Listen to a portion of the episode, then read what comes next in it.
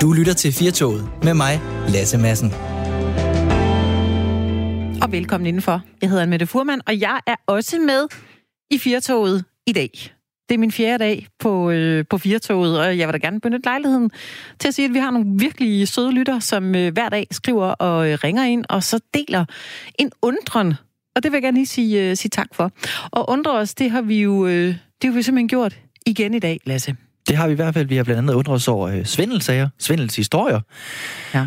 Og vi har tænkt på, om vi selv kunne finde på at svindle for en millionbeløb, og, og hvad der egentlig sker i hovedet på, på de her mennesker, som ender med at svindle for millioner Ja, kroner. fordi man forstår det faktisk ikke, hvordan de kan slippe afsted med det, synes jeg. Nej, og hvordan de kan gøre det, altså sådan rent. Det er det. Det bliver vi meget klogere på. Og så skal vi en tur ud i øh, rummet. Næsten med Elon Musk, fordi han vil nemlig sende verdens største rumskib ud i rummet i 2020. Og det her rumskib, det hedder intet mindre end Starship.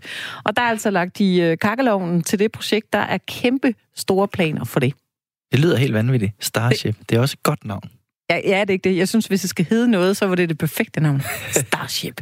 Så skal vi også øh, snakke lidt om øh, grønne områder, fordi at øh, sådan noget med at lige at sætte sig i en park, Anne Mette, det kan faktisk være sådan, det er faktisk noget, der gør, det er noget af det allerbedste, du gør for dit, øh, din, dit, dit lille hoved. Ja. Nu bor jeg jo et sted, hvor der er sådan, altså det er nemt lige at komme ned til et grønt område. Og jeg har også boet Ja. et sted, hvor, det, hvor, hvor, hvor jeg var meget tæt på, øh, på vandet. Og jeg har også boet inde midt i en by. Ja. Men, men jeg vil sige, altså, øh, jeg var måske dårligere til at komme ud i naturen, da jeg boede helt nede på fjorden, end da jeg boede inde midt i byen. Er det rigtigt? Ja, Er det ligesom øh, sønderjyder, der ikke kommer så meget over grænsen, fordi den er så tæt på, og så alle os andre, der bor langt væk fra den, vi... Men det er det, når det er tæt på, så gør man måske ikke så meget brug af det, eller udnytter det så meget. Det kan da godt ske. Jeg ved det ikke, men altså, øh, vi bliver klogere på det i hvert fald, og jeg, jeg kunne godt forestille mig, at øh, måske er det sådan, at hvis man bor i en stor by, så, øh, så er man måske mere sådan øh, sendagtig og grøn, end dem, der bor ude på landet. De ja. Tænker, det jeg gider ikke. Det er så tæt på, at jeg gør det i morgen. Det kan da godt ske. ja. Så, øh, så skal vi lige en tur omkring danskernes nyhedsvaner og kigge lidt på dem, og hvad, vi, øh, hvad det er, vi egentlig klikker på. Det, øh, det er der kommet en ny rapport om, som simpelthen øh, kigger på, hvad er, det, vi, øh, hvad, er det, hvad er det, vi klikker på? Hvad, hvad tror du egentlig, vi klikker på? Mm. Ja, nu kan jeg, jo, jeg kan jo ikke sige, men jeg kan jo sige, hvad jeg selv klikker Ja. på, og det er jo øh, sådan nogle, man ikke burde klikke på. Det er jo sådan de der clickbaiter. Det er jo de der, hvor der står, du, du gætter aldrig, hvad der så skete. Trusserne røg af, og du gætter aldrig, hvad der så skete. Jeg kan lige så godt bare indrømme det, for det er sådan noget, jeg klikker på, fordi ja, jeg bliver nysgerrig. I- Jeg har sådan lidt en tese om, når man laver sådan en rapport, så, øh, så kunne det godt være, at når man skal svare på de der spørgsmål, at man lyver lidt. Fordi det er fedest at sige, at man klikker på en hel masse med politik. Men i virkeligheden, så klikker man på sladderhistorier. Ja, det, men der tænker jeg, så gik jeg forrest her og sagde, jamen jeg, jeg tror egentlig, jeg er som dansker er flest. Øh, Og man, man vil jo også gerne være den der, der, der klikker på et eller andet med politik, eller med Brexit, eller med EU, eller et eller andet meget komplekst og meget spændende interessant. Jeg tror i hvert fald, det er sådan, hvis jeg skulle dele noget på Twitter, eller på Facebook, så ville jeg dele de går så en fede artikler, ikke? Det skulle være noget med politik, eller et eller andet. Det er det. Vi bliver klogere på det hele senere i dag. Du lytter til Firtoget med mig, Lasse Madsen. Og så skal vi altså en øh, tur ud i rummet, fordi øh, Elon Musk han er jo sådan lidt af en øh, Ole Opfinder-type på den her helt store klinge. Han er manden bag Teslaen, og helt sikkert også en mand, der vil blæse på, hvad der egentlig kan lade sig gøre. Nu har han øh, lagt en plan, som går ud på at sende et rumskib afsted i 2020. Og det var det her rumskib, der bærer det her meget flotte navn, der hedder Starship. Og jeg skal lige høre, øh, kunne du godt tænke dig at tage med sådan en, øh, en tur ud i rummet med Starship, hvis det nu var gratis? Jamen, vil du være penge eller ej, det spiller ikke nogen rolle, om det var gratis eller ej, fordi at øh, jeg er bange for at flyve. Så jeg tror ja. måske ikke lige, at jeg skal... Jeg tror, jeg skal have, prøve det andet først og blive, blive glad ved det, fordi at, at flyve med et rumskib, det hedder det vel.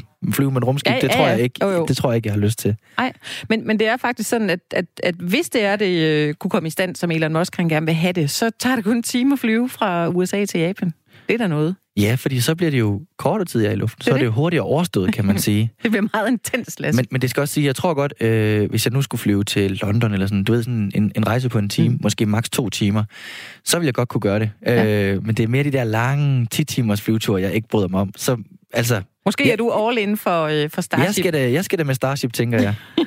Vi skal snakke med en, der ved meget mere om rummet end os, og det er astrofysiker Cecilie Nørholm fra Planetariet. Hej Cecilie, Hej. Og velkommen her til Firtoget. Vi kan ikke bryste os af, at vi sender for et, øh, et helt vildt blæret Starship. Men hvor realistisk er det egentlig, at, øh, at det her Starship det indfrier alle de ambitioner, de har? Jamen, det kommer nok lidt an på, øh, sådan på hvilken tidsskala man snakker om. Nu snakker I om, at de, de gerne vil sende den første afsted her næste år. Og det bliver måske en lille smule trangt med tiden. De mangler stadigvæk at bygge nogle af raketterne. Men hvis man sådan kigger frem på sådan noget 10-20 år, så bliver det lige pludselig meget mere realistisk.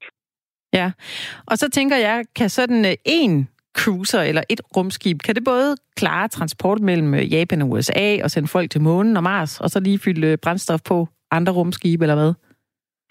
Altså, det, det er det, som deres plan den lyder på lige nu, ser det ud til. Men altså, man vil nok have brug for lidt mere end bare, end bare et skib. Men altså, det er samme type skib, der ligesom skal, skal klare det hele. Så det bliver også lidt spændende at se, hvordan de bærer sig ad med det. Og kan man sådan sætte tidshorisonter på her? Altså, hvad kan man om, om 5, 10 eller 15 år? Du er jo ekspert på området, så det tænker jeg, det ved du. Det ved du noget om.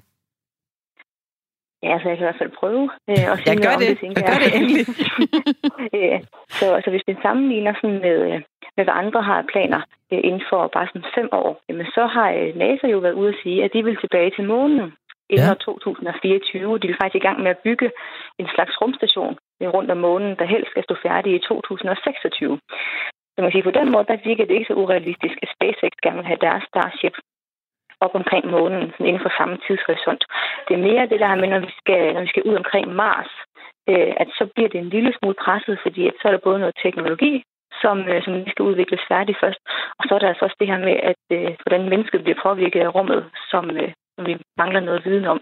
Og så det her med at komme fra USA til Japan på en time, det lyder jo fuldstændig vildt. Ja. Og der tænker jeg, selvom det er sådan lidt mere jordnært, så kræver det måske øh, nogle lidt andre hvad skal man sige, tilladelser og sådan øh, logistiske øh, teknikker, for at det ligesom kan lade sig give sig. Så der synes jeg også, at det er sådan lidt optimistisk at sige inden for fem år der, men man ved aldrig.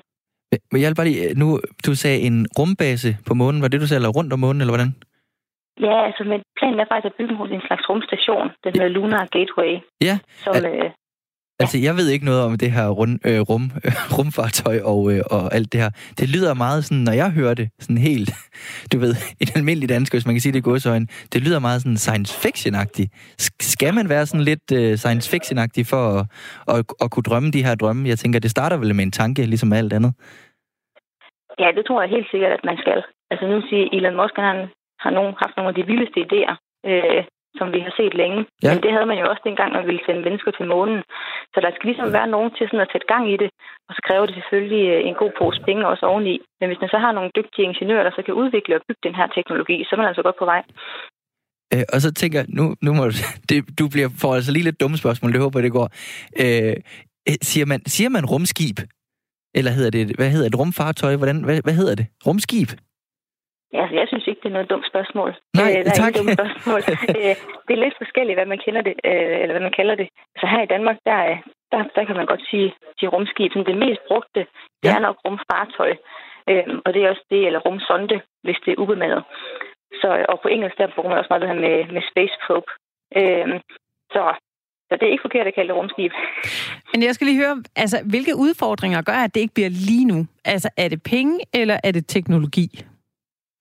Det er også lidt en blanding af begge dele. Øh, og man siger, NASA de har den udfordring, at de øh, er ligesom afhængige af noget støtte øh, fra staten, som mm. der sætter begrænsninger på, hvor SpaceX de så jo har øh, den begrænsning af de investorer, der sidder i stedet for. Øh, og man kan sige, at det kræver en, øh, en hel masse penge at udvikle denne her teknologi, men der skal også ligesom, at det skal også kunne følge med det, man sidder og laver. Og, øh, så man kan poste nok så mange penge i det, men hvis øh, man siger, produktionsteknikken så ikke er der til, øh, til at lave det, man gerne vil, så tager det altså bare den tid, det tager. Og nu er det jo sådan lidt en, øh, en større ting lige at sætte sig ind i et rumskib, og så øh, drøne ud i rummet. Det ved vi jo.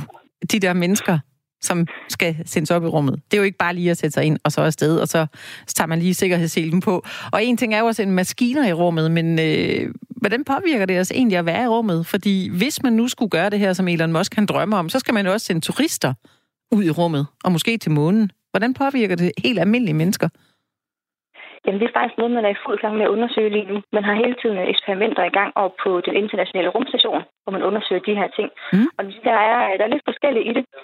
Den, øh, den ene ting, det er, når man sådan er, er ude i rummet, ligesom man er på rumstationen, eller hvis man skal en tur rundt om månen, så øh, bliver man påvirket helt anderledes af tyngdekraften. Man er faktisk i det, der hedder vægtløs tilstand, hvor ja. det, det ikke føles som, at man, at man sådan vejer noget. Og det kan godt øh, give lidt problemer. Øh, blandt andet så øh, betyder det, at øh, vores muskler svinder ind, det vi ikke bruger dem øh, på samme måde. Det betyder faktisk også, at vores knogler de bliver meget porøse. Og det er et problem, man ikke har løst endnu. Musklerne kan man godt genoptræne, men knoglerne, øh, den ved man altså ikke helt, hvordan man skal genopbygge på samme måde. Og så øh, bliver man faktisk en lille smule højere af at være i rummet, fordi mm. strykstøjen bliver strukket ud, og det kan godt ja. gøre ret ondt, har jeg mig fortælle. Okay. Men det, som der faktisk er, er rimelig vigtigt at tage højde for, når man skal være ude i rummet i længere tid, det er, det er sådan noget som stråling. Hernede på jorden, der har vi både et magnetfelt og en atmosfære, der beskytter os mod stråling fra rummet, men det har man ikke på samme måde derude. Og det her stråling, det, øhm, det kan blandt andet give en øget risiko for at få kræft. Så det vil man også gerne have, have styr på, inden man ligesom sender folk øh, langt ud i solsystemet. Jeg har lige øh, to ting. Det er ganske to. Øh, den ene der er meget kort. Du siger, at man bliver vægtløs og lidt højere. Ja. Ja, så kan det godt være, at jeg skal overveje rum, for jeg altid gerne vil være model. Og det eneste, jeg mangler, det er lige lidt højde, og så lige tabe mig lidt. Så det kan være, at der var, der var en snydekode der.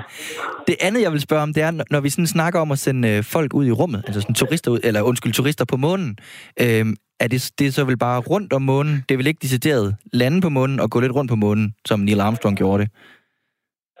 Ja, altså det, som man snakker om her, her i starten, og det, som, som SpaceX også snakker om, det er sådan i første omgang at sende dem ja, en, en tur i kredsløb om månen, og så tilbage til jorden igen.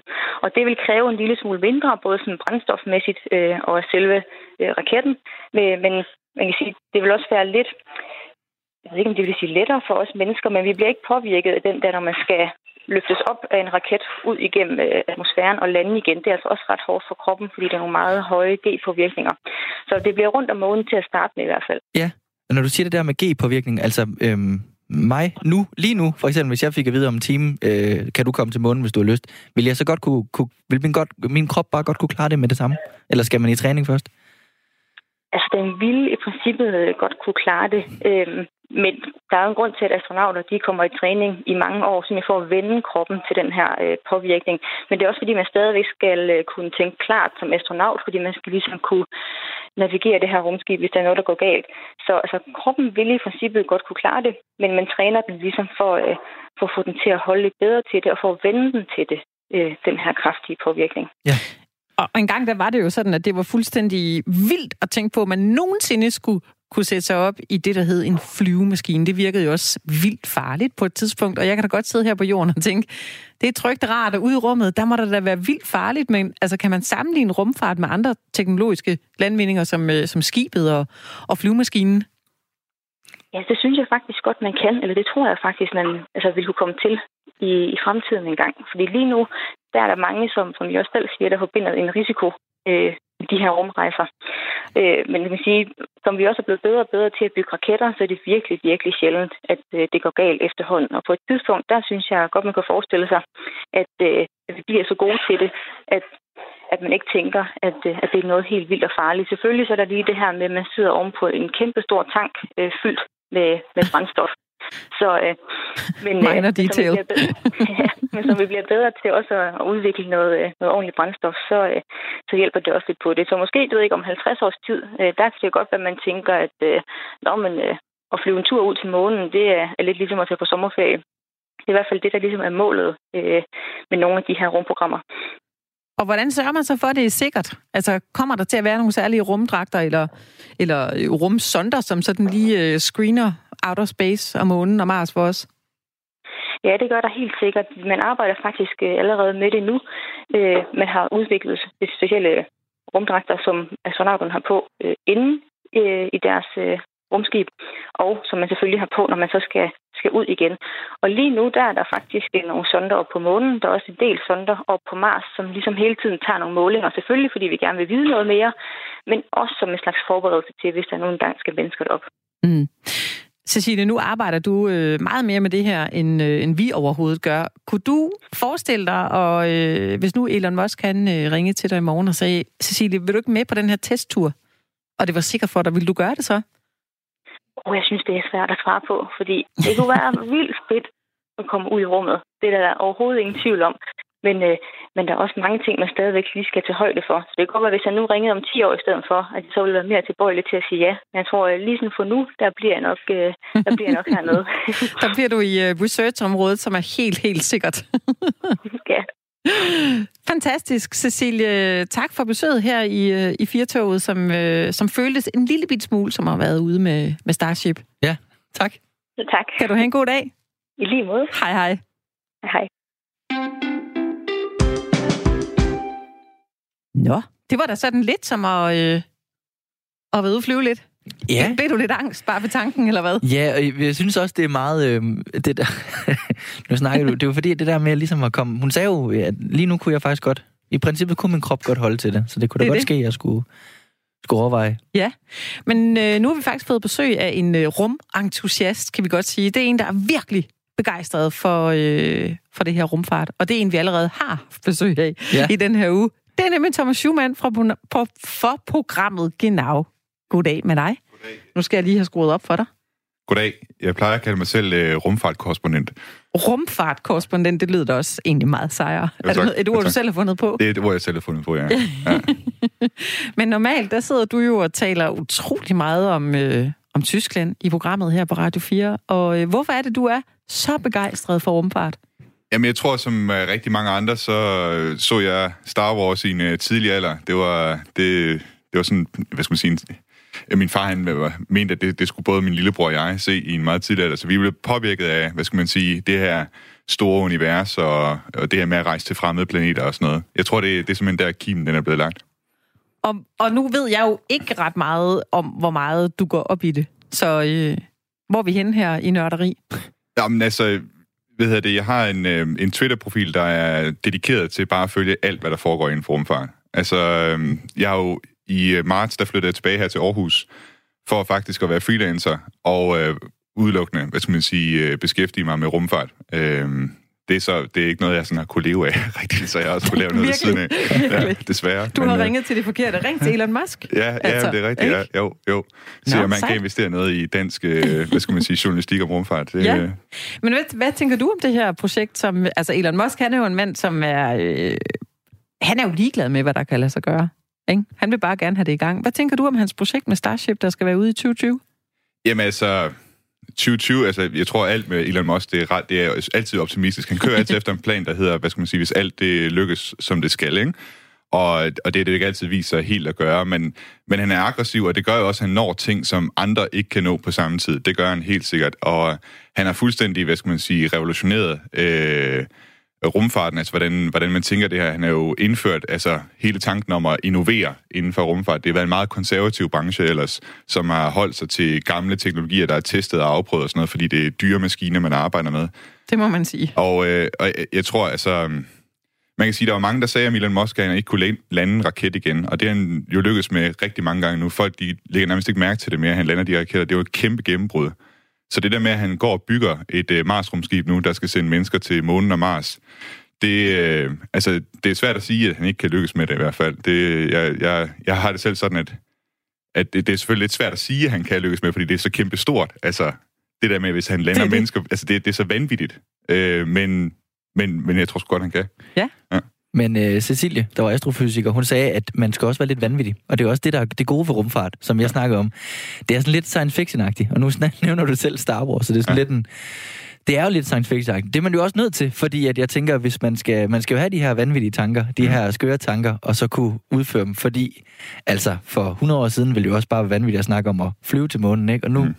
Nu er det nærmest noget, vi snakker om. Det er i hvert fald ikke, måske ikke så lang tid til, vi kan sende turister ud, så man skal vel også være lidt skør, Thomas. Det skal man, men man skal så samtidig også have en eller anden form for forståelse for den virkelige verden, og det må jeg sige, det er jo det, Elon Musk og SpaceX gør, ikke? De kigger jo på verden ud fra det, man kalder first principles, ikke? Mm. Og så ser de, hvad skal man sige, øh, raketterne, som vi laver i dag, de er faktisk meget dyrere, end de be- behøver at være nogensinde, ikke? Ja. Altså, fordi øh, de, de kunne laves meget billigere, hvis vi bare, øh, hvis vi, hvis vi lavede noget innovation inden for det. Og det er jo det, de, altså, de, de går jo hele tiden til sagen, hvad skal man sige, med en forståelse for, hvad, hvad er muligt inden for fysikkens grænser, ikke? Og det er jo sådan, de skaber, skaber de her landvindinger. Og øh, jeg skal lige høre, for det er jo et program, hvor vi undrer os, og nu har jeg fundet noget at undre os i, i undren omkring rumfart. Lille Danmark, også lille Danmark. Vi har jo vores Andreas Mogensen, der er første dansker i rummet. Men hvordan, hvordan går det ellers med dansk rumfart, hvis man kan sige det? Kan man overhovedet? Har vi dansk rumfart? Ej, det vil jeg sige, vi har. Vi Ja. har jo uh, Copenhagen Suborbitals over i København, som jo uh, meget ihærdigt bygger en uh, raket, der skal sende en uh, menneske i rummet også. Nej, Uh, jo, jo. Nej, De, øh, fortæl lige. Jo, men altså, det er jo, jeg kan ikke huske, hvornår det startede, men altså, de er jo derovre på, hvad hedder det, Refshaløen, eller hvad, hvad delen det hedder, i en Det hedder garage. Refsaløen, ja. Ja. I en garage. Ja. Så synes jeg måske, man tænker ja. sølvpapiret sat, og øh, kom, vi tegner lidt. Nå, men altså, jeg har selv været over i deres garage derovre og set det også. Altså, de bygger rigtig udstyr og sådan noget. Altså, ja. det er rigtig raketmotor og sådan noget. Og, men altså, det er amatører alle sammen. Det er bankfolk og, hvad skal man sige, folk, som ellers ikke rigtig har noget med, med rumfart ellers at gøre andet end en hobby. Øh, men deres plan er, at de vil sende en, øh, en person i rummet. Altså, ikke i kredsløb om rummet, men bare et hop op i rummet og så tilbage igen. Der er en stor forskel på de to Okay. ting. Og et hop på... Hvad- Øh, 100 km. Okay. Ja, det er grænsen til rummet. Nå, okay, det, jeg tænker stadigvæk, nu siger du det er amatør, det lyder lidt som om, det er sådan noget markræs, bare med rumfart. Det vil jeg da aldrig sætte mig op i. Øh, jeg går ud fra... Hvis det kun var når 100 du- meter, Lasse. Så. Nej, 100 kilometer, ikke? Jo, 100, undskyld, 100 km. Nå, 100 kilometer, Fik jeg sagt okay. meter? Jeg jeg. 100 meter, meter? der kan vi da Ja. bare stille os op på rundetårn med en stige. Han. det tror jeg godt. Men jeg vidste ikke, hvor, jeg vidste Ja. ikke, hvor amatøragtigt de var. Nej, nej, det var, at de havde sådan 100 meter, 100 så kan vi. Sorry, det, hvis jeg sagde det forkert, så det beklager jeg meget over for Det- Copenhagen Suborbitals.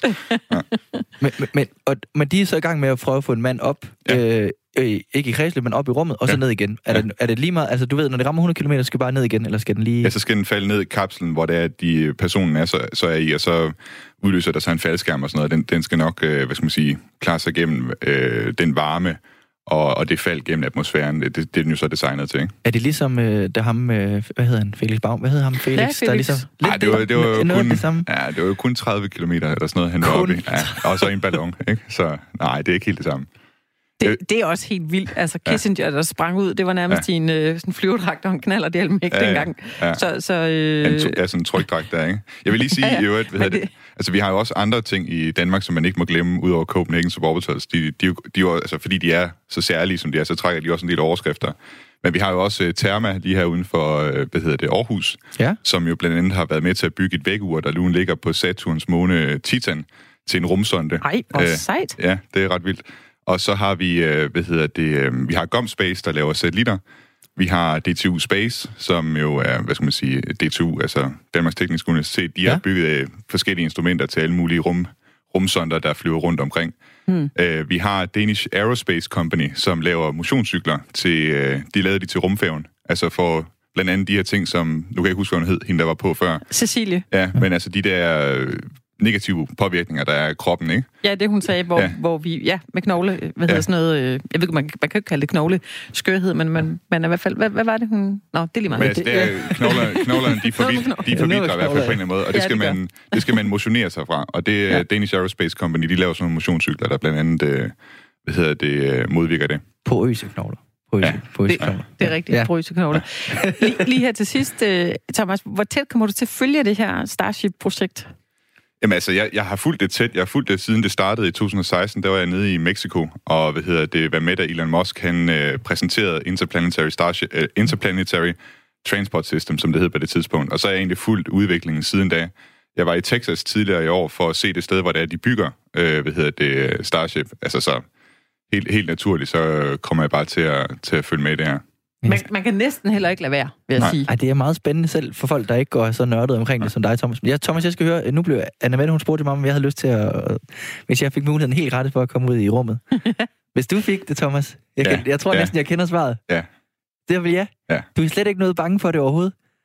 Ej, jeg vil nok ikke tage med på den første, men Nej. altså, hvis, hvis der lige har været en to-tre stykker eller et eller andet, ikke? Så, så det er ikke dig, der skal sidde over på Refsaløen i en garage i det der markræs, og så op i luften. Ah. De må gerne have sendt nogle stykker op i forvejen, Ja, så, okay. så kan det godt være, at jeg melder mig. Ja.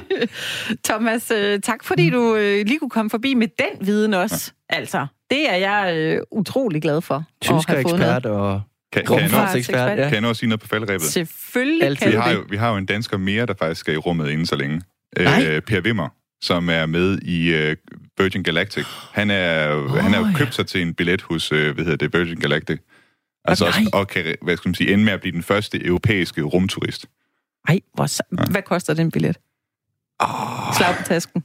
Jeg ved ikke, om det er omkring en, øh, 400.000 kroner eller sådan noget, eller, eller dollars, jeg kan ikke huske det. Det, det, det, er, det er flere penge, end vi lige har. Ja, det, Men, det er rimelig Anne Mette, jeg ved, at vi skal snakke om svindel bagefter. Ja, det kan være, at vi skal have nogle tips, vi kan komme i rummet også to. Prøv at høre, vi kører den endnu vildere ud i noget rumsvindel. Ej, hvor sindssygt. Det var en, øh, jeg vil ikke sige need to know, men, men meget nice to know, alt det, du kunne fortælle. Mm. Jo, tak, tak for dit besøg, Thomas. Jamen, så lidt.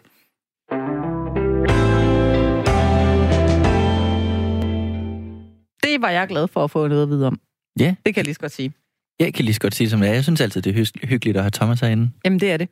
Men øh, nu skal det altså øh, ikke lige handle om noget Starship mere, fordi vi skal over i noget svindel. Altså, ikke? Ja. Vi undrer os lidt i dag, fordi den næste historie, den er ret vild. Det handler om svindel for mange, mange millioner kroner.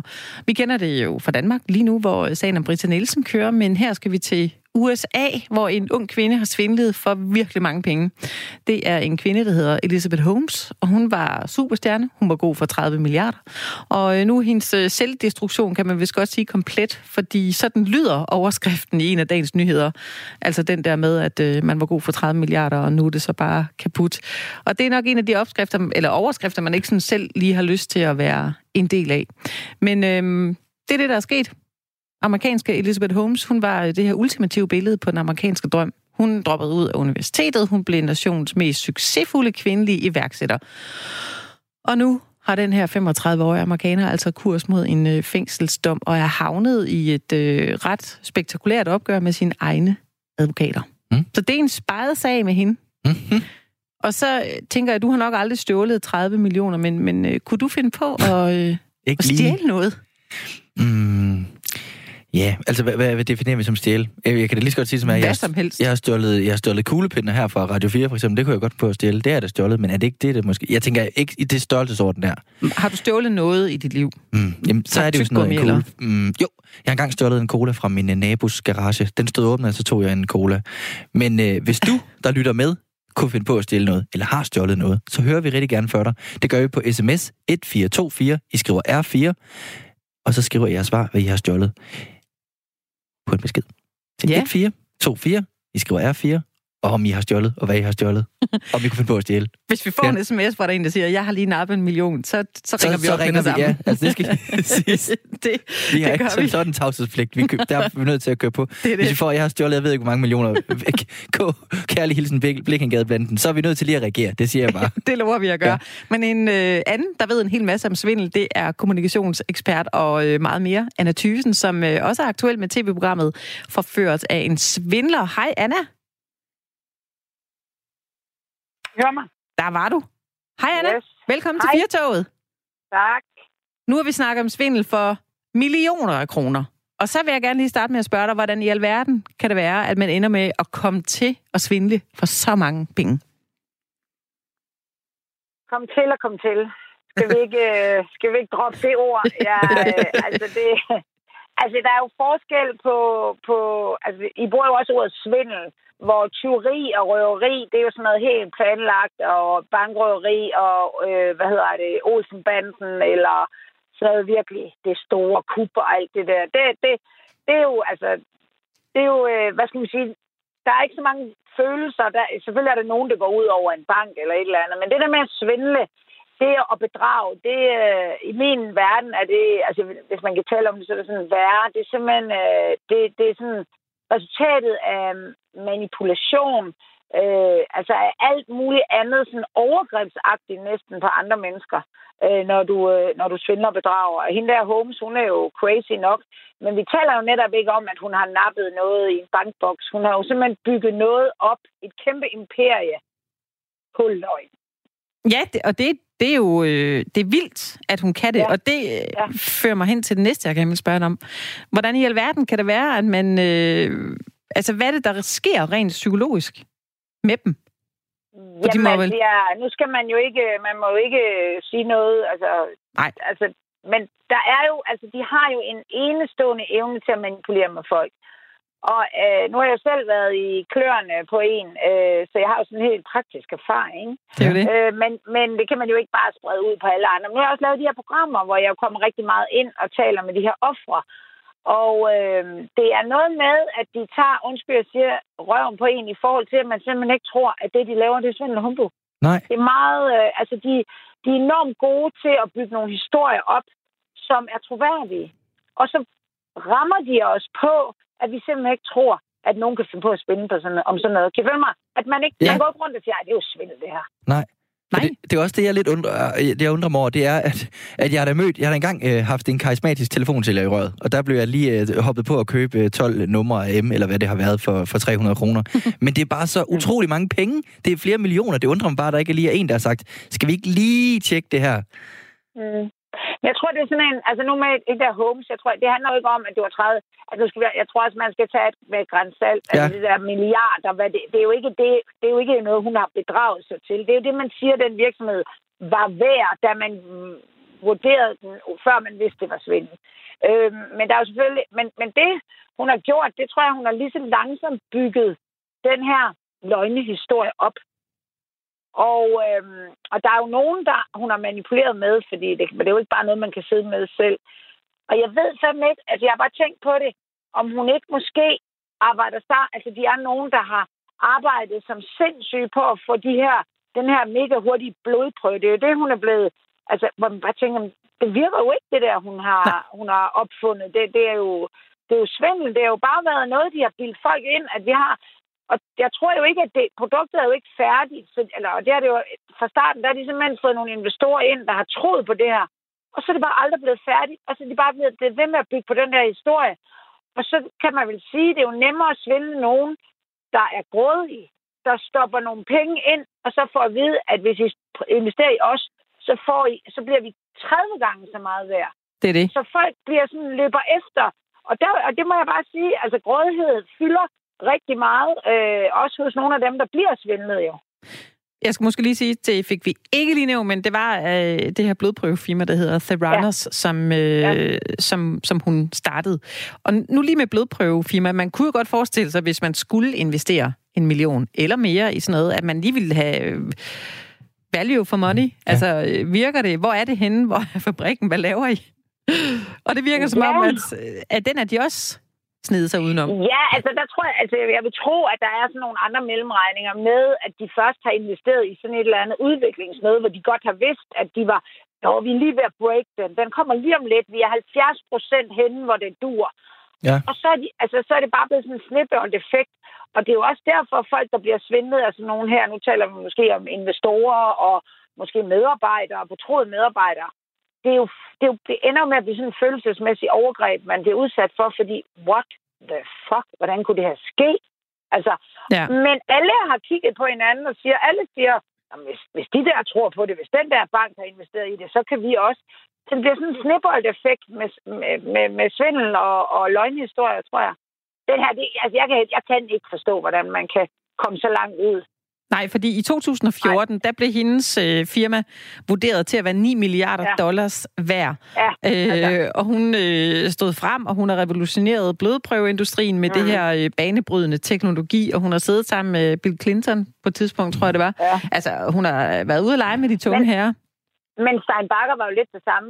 De, Ja. de havde jo ikke nogen produkter. Ja. Ja. Det var, de øh, opfandt alle mulige. Og det kan man jo gøre. Altså, den svindel kan jo være, at hun, de har siddet og, og få, lavet mærkelige fakturer på nogen, der har købt for 3 milliarder som ikke er nogen, der har købt for 3 milliarder. Og så belåner man den faktura, hvor en eller anden siger, what the fuck, det er en fed ordre, den vil vi godt. Ja, men vi skal udvikle noget mere, vi skal bruge nogle penge, hvis I nu... Altså, det er jo sådan noget, der sker, hvor, de, hvor man... Altså, der må have været sådan noget egentlig lidt primitiv svindel, hvor man udsteder fakturer, der ikke findes. Altså, ikke? Altså, ja. Der sad jo i, i Steinbacher, der sad jo økonomichef og alle mulige mennesker, der bare sad og arbejdede, og der skete ikke noget i den virksomhed. Der var ingen, der solgte noget. Og det, det, det forestiller at sidde i et job i måske flere år, og så finde ud af, at der var ikke noget. Altså, det var bare svindel. Altså, man tænker, jamen, solgte de ikke noget? Jo, vi snakker godt om nogle kunder, men de solgte aldrig noget. Nu Det er snakkede, jo vildt nok. Nu, nu snakker du om, om Steinbacher og, og hende, her, nu, og hende her Holmes. Har de nogle fælles, altså nogle, kan man sige, altså nu er ikke sådan rent, men har de sådan nogle, nogle træk? Er, de meget, er det sådan nogle karismatiske mennesker? Ja. ja. Yes, meget. Altså, det er, det er, det er mennesker, der er... um, altid er, de, for, de er for, foran andre mennesker. Altså, når, når, man, når man lige er ved at tænke, at det kan ikke passe der, så har de en anden forklaring. Ja. Altså, de har altid forklaringer, hvor man, altså, man tænker bare, at det, det lyder sgu meget godt, og man laver sådan nogle tjekspørgsmål og sådan noget. Og så, øh, men forestil dig, at du har fået et fedt job hos Dan Bakker eller hos Holmes. Du får et eller andet, du er mega direktør, du får 3 millioner om året. Altså, hvor stor er interessen for at finde ud af, at det er og humbug, hvis det hele kører? Jamen, hvorfor er det, de ikke tænker over dem, det går ud over os? Jamen, jamen det, det er der, jeg tror, altså, for det første, at jeg jo, jeg, hvad skulle tro, jeg var sådan noget, jeg er altså max lommepsykolog, altså. Jamen, det er fint til os, det er fint til os. Ja, ja, det er totalt, jeg ved jo ikke, men, men, men det er jo det der, at, at, man, at man selv tror på det. Det tror jeg betyder meget, faktisk. Fordi så er man jo meget mere troværdig. Ja. Og du har også altså- været på, øh, på programmet, det her tv-program, der hedder Forført ja. af en svindler. Og hvad har du selv fået af, af indsigter af at møde de her mennesker, som har været ofre for svindel? Jamen altså, ja, det vilde er, at hver gang, altså de mennesker, der har, vi har haft øh, kontakt med i, øh, i altså offrene, de er simpelthen, det er helt vildt, altså, øh, hvad skal man sige, glade, altså glade er måske et, men de er meget, de, de har været, når de er med i det program og fortæller åbent om det, så sker der en eller anden forløsning. De får det simpelthen nemmere. Det er som om, de har ramt bunden så. Altså den der flovhed og skam over at være udsat for noget, som på et eller andet niveau er så dumt, det, det vender der. Altså, der er jo nogen, der har været med i programmerne, der deres forældre sidder og ser på programmet, og de har ikke vidst noget. Så der er en kæmpe flovhed og skam forbundet med at blive manipuleret med af andre mennesker. Og det, fordi altså, de forestiller sig sådan, ej, det må du sgu da kunne have regnet ud, mand. Ikke? Altså, men jeg må også bare sige, det, altså, nu, det, det handler måske mere om de her mindre svindelsager. Jeg, jeg kan ikke forstå, hvordan hende der, hun kan arbejde med det. Der, der er altså over i min sag. Men nogle af de her mindre, jeg har haft med at gøre, der, øh, jamen det, det, det, det er sgu langt hen ad vejen, er det, er det plausibelt nok, det de, altså de har bare, de har bare gode forklaringer på alt, hvad de gør. Ja, altså, der er en, hvor han, han kommer hen og låner nogle penge, og man ikke kan låne nogle penge af sådan en pensioneret eller en ældre forretningsmand, der virkelig har gjort det godt og meget dygtig og livrem og sæler. Og så han har fået et job ved, ved Spangsberg Flødebold, og bare det at fyre den af, ikke? Jo. Nå, okay, dem kender man da. Han vælger selvfølgelig også noget, folk kender, fordi det er ikke noget mystisk firma, vel? Og han skal så til Tyskland og, og sælge de her Spangsberg. Og så har han ikke en firmabil, og han har heller ikke fået nogen penge til at komme til Tyskland. Og ham her, den der ældre, søde forretningsmand, han låner ham simpelthen 40.000 til det, hvor man siger, hvorfor skulle Spangsberg ikke give ham en firmabil og nogle penge til at tage til Tyskland? Altså, hvor kommer det ind? Men nej, nej, men han er også sådan i værksted, og han skal måske også købe. Han skal ligesom mig, han havde også nogle penge på vej, og han troede egentlig, at han bare selv kunne lægge ud. Men så har han solgt nogle aktier, så kommer der bare den ene mærkelige historie. Og ham der, den ældre forretningsmand, han sidder også bare, han er jo helt flov over, at han gjorde det. Ja. Ja. Lige, øh, jeg har lige to ting. Øh, for det første, så vil jeg gerne øh, bede dig, kære lytte, om at skrive en sms til os på 1424. I skriver R4, og så vil vi gerne høre, om I kunne finde på at stjæle eller svindle. Og så vil jeg gerne høre dig, Anna Thysen. Det her med, at du snakker nu, man er enormt, enormt flov over at blive, blevet svindlet. Mm. Øhm, at, kan man sige, at der er en bestemt type menneske, der, der er nemmere ved, eller er det, kan det ske for alle mennesker, det her? Det bliver jeg simpelthen også nødt til at sige. Det kan ske for alle. Man kan så sige, at dem, vi har kontakt med øh, inden, altså det, det, jo, øh, jo, jo, altså, jo rigere de er, jo mindre vil de være med. Altså, det er som om, det er mere flot for dem. Det er sådan ja. ikke så, så man kan godt se, tro en gang imellem, at det er sådan nogen, der er helt nemmere, altså, der ikke er et eller andet, ikke er helt med på et eller andet beatet. Men alle alle, vi oplever det i alle samfundslager. Politiet siger også, at det er et kæmpe problem, at øh, folk ikke melder til politiet, fordi de er så flove over det. Det er jo det. Ja. Det kan de ikke lide, så, øh, men det er der også. Men det, er det, også... Men det, han, det handler også om, at mange af de her mennesker, uanset om man er rig eller fattig, eller gammel eller ung, at man bliver tit grebet på sådan lidt, altså at man enten er, er sådan lidt øh, Øh, det kan være, at man lige... Øh, altså for eksempel, hvis det er kvinder, der bliver svindlet af mænd, øh, sådan kærlighedssvindel og får penge og sådan noget, så er man måske lige blevet alene og er sådan lidt sårbar og er lidt ked af det. Altså, så er de nemmere at spille, hvis man sådan er lidt ude... Hvis man nu er lidt ude af skide, eller lige er i en periode i ens liv, hvor det hele ikke kører på skinner, og så kommer der de der svindler, og jeg siger jer, at de har talgaverne i orden. De kan simpelthen, altså... Men nu bilder jeg mig, altså nu bilder jeg mig ind, at jeg tænker, ved du hvad, Anna, jeg er, jeg er så intelligent. Jeg tror ikke, jeg tror, det vil være i hvert fald næsten umuligt at snyde mig. Jeg synes, jeg har nemt ved at gennemskue også. Altså, hvis man får sådan en mail, jeg har en rig onkel, og du skal bare lige overføre nogle penge. Alle de der ting. Jeg ved godt, det er måske lidt med den lette afdeling. Men jeg synes, altså... Ja, er det ikke bare, skal man ikke bare tænke sig om? Er det ikke bare det? Jo, jo, jo, jo. og det, jo, det skal man. Men der, hvor jeg træ- tænker især, man skal gøre noget, det er, hvis man gør et eller andet, en, altså fair nok, man bliver grebet, og så bliver de ved, og så får man det ikke stoppet, fordi man, man er bange. Altså, man, man er flov, man er... Og der er jo også nogen, der tror med rimelig meget. Altså, hvis ikke du holder din kæft, så bliver det virkelig. At... Så, så jeg tænker, man skal simpelthen have mod til at sige, stop. Ja. Og, og for eksempel tale med nogen om det. Og, og det er jo heller ikke særlig rart at tale med nogen om det, fordi man tænker, de siger jo til mig, at jeg skal stoppe med at arbejde der eller et eller andet.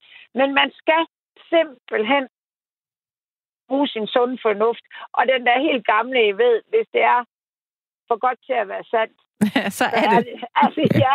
Så Altså, der, der er ikke så meget andet at gøre, men hvis man taler med nogen, og man kan mærke, at man bliver, man, man, at de, de har ret, så er det nok også. Altså, det lyder Ja. mærkeligt, det her. Ikke? Men nogle af dem, der så øh, du har mødt i, øh, i det her program forført af en svindler, hvordan, øh, hvordan har de det så i dag? For det ene ting er jo, at man ligesom vælger, nu, øh, nu, nu er det nok.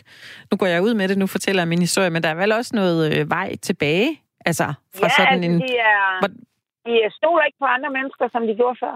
Nej. Fordi, fordi det, de har været ude for, altså det er jo netop ikke, at man har købt en bil hos en eller anden brugtvognsforhandler til 50.000, og så ugen efter, så kan den ikke en skid. Altså, så er man bare sådan, what the fuck, du snød mig. Altså, det, det er man ikke så følelsesmæssigt involveret der. Man kan godt føle sig som dum, men altså, prøv at høre, det var nogle penge, og så må man videre. Men her, altså, jeg bruger simpelthen ordet sådan følelsesmæssigt voldtaget nogle gange. Ja. Jeg mistede, og, der, er, og folk, altså, de har det. Der er folk, der nærmest ikke øh, ser nogen, der... jamen, De kan, de kan ikke stå for andre mennesker. Det er frygteligt. Er, er, er det nu, nu med dit program, og, og det vi snakker med det her, og flere sager, der kommer frem nu, for eksempel Britta Nielsen her i Danmark og sådan noget, øh, kan du se, der sker noget med det her svindel? Er det noget, folk bliver mere opmærksom på, eller er det bare det samme? Tror du altid, der, altså, er der kommet mere fokus på det? Ja, der er kommet mere fokus på det, men jeg vil så sige, at øh, internetsvindel er jo kæmpestort. Ja. Og det er jo lige så ubehageligt. Altså, der, vi havde også en, altså det var, vi havde nogle afart af det, men det var, nogle, altså, det var sådan en dame i Rusland, og der stod altså bare fem mænd med en rose ude i Kastrup og ventede på hende, og hun kom jo ikke, for hun fandtes jo ikke. Der var, det var jo, og de havde, der havde hende der russeren, der hun bare, de havde hver, tror jeg, givet hende 100.000 til at få afviklet et eller andet noget gæld og komme til Danmark, og så stod de bare fem udkaster, hvor hun, altså, og man mener ikke engang, der var en kvinde bag, det var bare sådan nogle svindlere i Rusland. Ja. Så det bliver, altså, og det bliver mere og mere internationalt, og det bliver, så jeg, jeg tænker, altså, vi har ikke engang set det sidste, altså, vi er, det er ikke færdigt med at udvikle sig endnu, fordi internettet, det er altså også nemt at svindle på. Ja, de bliver garanteret også mere og mere kreative. Altså, det, ja, Ja, det, ja, det, gør gør de jo. Også når man ja. Ja. står nede på strøget, og så flytter de en, en bold rundt, og så nogle gange så hopper man på den og tænker, ej, Ja, ikke ja, alligevel. det Og så bliver de alligevel det mere kreative og finder nye måder ja. at svindle ind på. Og, Og man ja. må vel også blive inspireret, hvis man, øh, hvis man har tendenser i, altså når man kan svindle for så mange millioner, og man kan Mm. lade som om, man har et øh, verdensomspændende firma, der har opfundet noget helt nyt teknologi, når man kan nå derud, så er der vel også nogen, der, der tænker, nå Ja. okay, det kunne da være, at jeg skulle, skulle prøve at tænke lidt i det.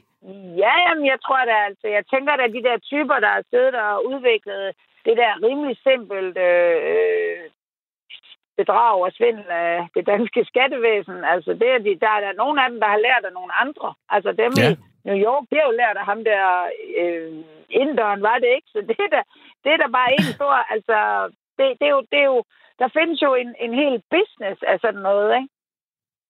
Så, øh, og der, der er også de der, dem har vi, altså, når vi, i de programmer der, så er der sådan nogle lidt større sager, men næsten alle dem, vi har med at gøre, de svindler, de svindler med sådan nogle øh, billetter til øh, øh, smukfest og holde nu kæft koncerter. Altså, hvor de Ja. bare, og folk får jo ikke de billetter. Der er ikke nogen billetter. Og det er helt vildt, hvor langt de kører den. Det er ikke engang sådan, de bare øh, får pengene, og så kan man ikke køre mere. Så ringer de, øh, vi har ikke fået billetter endnu. Nej, nej, men de er på vej, og sådan noget. Altså, hvor de bliver, altså, det er jo nogle vilde historier. Og jeg ser jo bare domme, hvor folk har 100 tilfælde af sådan noget billetsvinderi der, hvor de lige får en tusse. Men det giver jo også mange penge, ikke? Altså, Ja, det gør det. Ja. Hvad, hvad for en, øh, en, en, en svindler er du blevet sådan mest overrasket over i, øh, i programmet Forført af en svindler? Er der jeg nogen, hvor du har tænkt... Jeg er mest overrasket. Der, jeg, jeg, jeg, jeg, jeg er mest, kan jeg tillade mig at sige, forarvet over dem, der svindler øh, psykisk sårbare. Ja. Ja. Altså, jeg ved det ikke. Jeg har det bare sådan, hvis nogen svindler mig, altså så når det er sket en gang, så må jeg simpelthen øh, tage mig sammen og stoppe med at gøre, ligge under. Altså, få det komme ud af det. Kan I følge mig? Ja. Men de her, det synes jeg simpelthen er Altså, jeg ved ikke, altså, jeg kan jo ikke, man kan jo ikke sige, at det, det er fedt at svindle som almindelige mennesker, og det er ufedt de andre.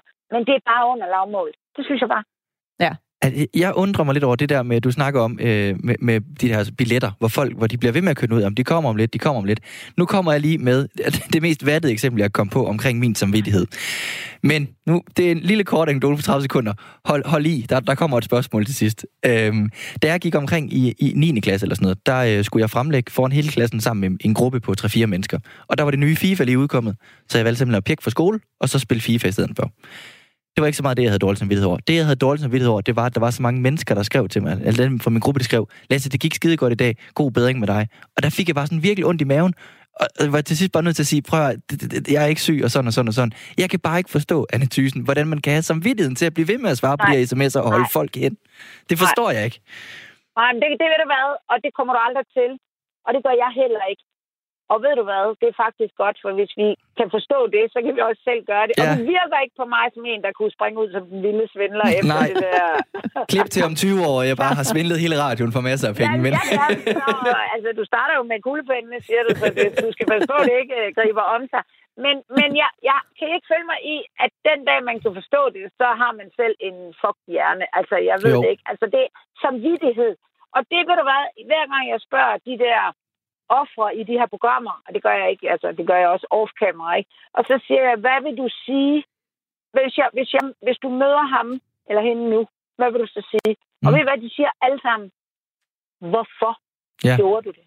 Ja. Og det, der gør så ondt på, at folk, der er følelsesmæssigt involveret, det kan være en chef, en bror, en søster, en kæreste, det er, at den her person var måske kun venlig over for mig, fordi han vil have mine penge eller hun.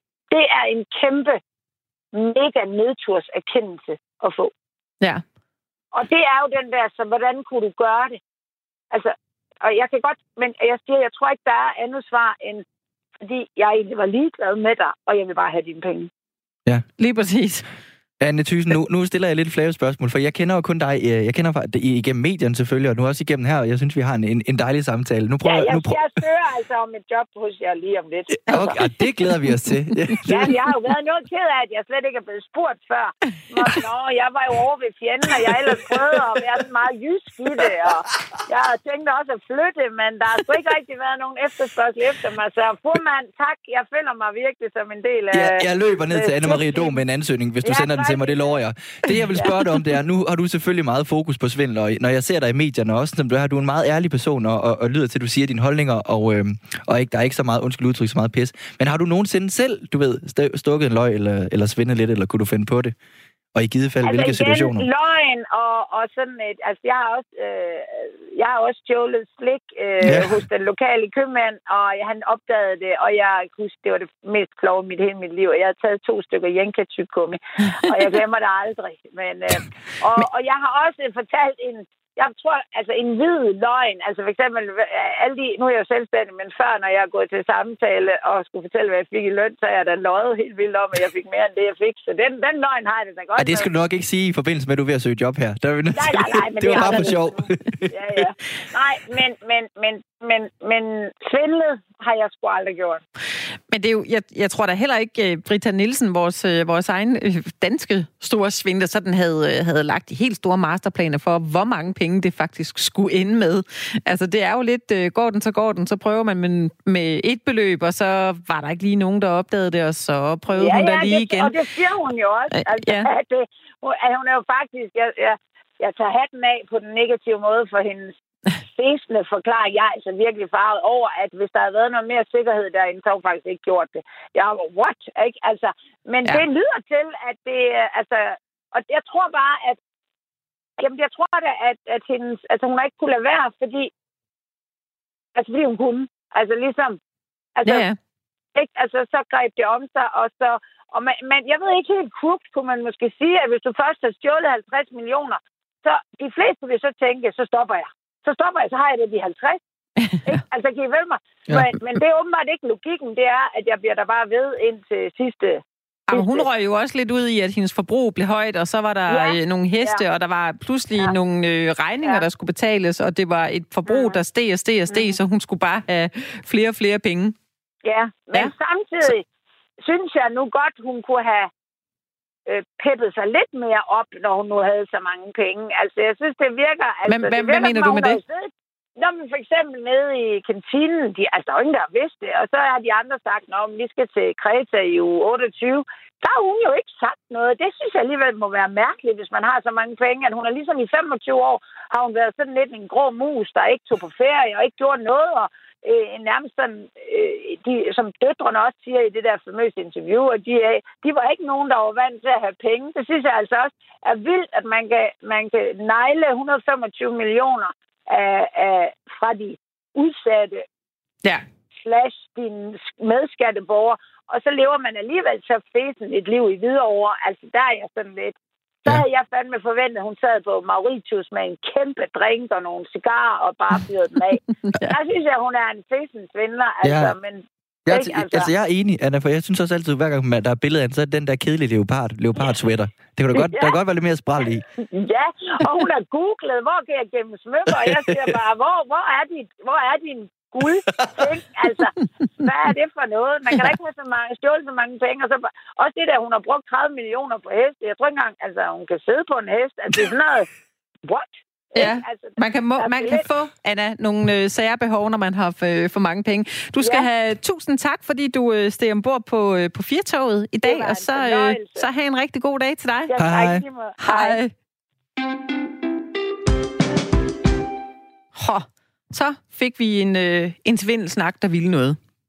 Det skal jeg lige lov for. Det var dejligt at have Anna igennem. Jeg er helt blæst får du bagover. lidt, øh, får du lidt øh, sådan, øh, man kan godt få sådan lidt, du ved, det her sådan fascinationsadrenalin, der kører lidt. Sådan, hold da op, det var vildt. Ja. Ligesom vi opdagede, da, da Stein Bakker, han, øh, han blev fanget, der sad man også lidt på neglene, sådan, Ja, og, og det, er jo, det var det, vildt. det er lidt to ting i det også, fordi det er en, en spændende snak, og så er det en snak om en, en stærk kvinde, der har svindlet, og så får jeg Anna Thysen i røret, der også en stærk kvinde, og foran mig står du, Anna Mette, der også er en stærk Ja. ja. kvinde.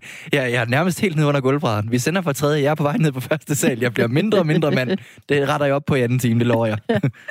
men du havde jo også kun, hvad var det, stået en, en cola? Eller, Ja, ja, det, kan sgu, det kan være, at jeg skal svindle noget mere. Det, det, det kan godt ske. Jeg skal, ej, det, det skal jeg ikke. Det skal jeg ikke. Nej, men, men altså, meget kan man sige, at man ikke kan forstå, og man kan ikke forstå, og man kan ikke forstå, og nej, det skal man jo heller ikke overhovedet på nogen måde kunne forstå.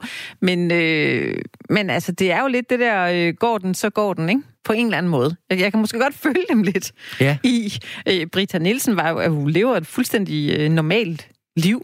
Måske mm. lidt et, et liv liv Ja. Og så øh, overfører hun lige lidt fra kassen, og så, øh, og så går den. Og pludselig mærker hun jo også det der kick. Okay, der er ikke nogen, der opdager noget som helst, så øh, jeg prøver lige igen. Ja. Og så er det, det ruller. Ja, og, men, ja, men det er jo nemt at sige, at det kunne jeg aldrig finde på, men hvis, Det er det. undskyld udtryk, lokummet virkelig brænder, så tænker man vel, gør vel alt muligt, eller gør man ikke? Gør man ikke det? Det tænker jeg da. Hvad? Jamen, så, hvis, du ved, altså, hvis man virkelig er i pengenød eller et eller andet, det er helt, Ja. ja. helt galt, og man tænker, der er, der er en pengekasse her. Nu, nu låner jeg bare lige 2.000 kroner til den første. Okay. Ej, jeg kan også lige låne 2.000 mere, 2.000 mere, 2.000 mere, 2.000 mere. Lige pludselig så har man brugt, jeg ved ikke, hvor mange millioner på en leopardsvætter. Det er jo det, er jo det der sker. ja. Og på heste og leoparder, ikke? Måske. Men det er jo det der med, man, øh, man, man det jeg synes, der er, er vildt, det er både Britta Nielsen, som, øh, som selvfølgelig stjæler. Det, er jo, det var meget sådan noget egen forbrug, men øh, Elisabeth Holmes, der, som simpelthen banker et firma op på en løgn, Mm. det, det er måske lidt vildere, synes jeg. Ja, og, og som du sådan det, at det er lidt vildt, at det er så mange milliarder, at det ikke lige var en, der var inde og sige, øh, jeg vil gerne lige se, øh, hvad det her det går ud på. Ja. Virker det? Ja. Findes det? Er det ned under jorden? Det, det er jo på en eller anden måde en... Øh, kan vide, om hun egentlig bliver en Netflix-serie? Elisabeth Holmes. Den det er her jo med godt givet være. videre til... Det kan være, at vores serieekspert William Eising, han lige skal tjekke lidt nærmere på det. Men jeg, altså, jeg tænker, Anna Mette, hvis jeg kom hen til dig og sagde, Anna Mette, jeg har opfundet en, en flyvende bil, og Ja. øh, den kan fragte dig til Kina på en time. Vil du, øh, vil du ikke investere i den? Så har du garanteret sagt, det lyder da spændende, men øh, hvor er den hen? Den, ja, den er lige på trapperne. Vil du så ikke blive sådan lidt... Ah, Og så, og, så, og så er det, du begynder at forklare, hvad kan den der bil? Hvor mange penge får du igen, når det her firma det bliver milliarder værd? Ja. Og så, vil du begynde, så, så bliver man jo sweet-talket og tænker, okay, det er fint, om jeg investerer lidt, så får jeg meget igen. Men i sidste, jeg tror, vi skal ikke føle os øh, for gode til Nej, at, det er også det, øh, at kunne blive udsat for Anna det. Anna sagde, at alle kan blive snydt, så jeg, jeg lægger mig ned igen. Nej, jeg skal, jeg skal også, nu skal jeg rejse mig op. Nu skal jeg rejse mig op. Jeg tror, det var, øh, det var nok med det her øh, svindelsnak lige nu. Jeg kan godt love lytterne, der sidder derude, at det bliver ikke så, så svindelagtigt øh, i næste time. Det gør det ikke. Der kommer det til at handle om øh, noget, der kan få stressen lidt ned, og det er måske meget passende efter sådan en, øh, en svindelsnak, som, som, øh, som vi har haft her. En hektisk, godt få pulsen, ja. pulsen lidt op, ikke? Er det ikke det? Ja. Nu øh, er det tid til øh, nyheder her på Radio 4 med øh, Dagmar Eben Østergaard.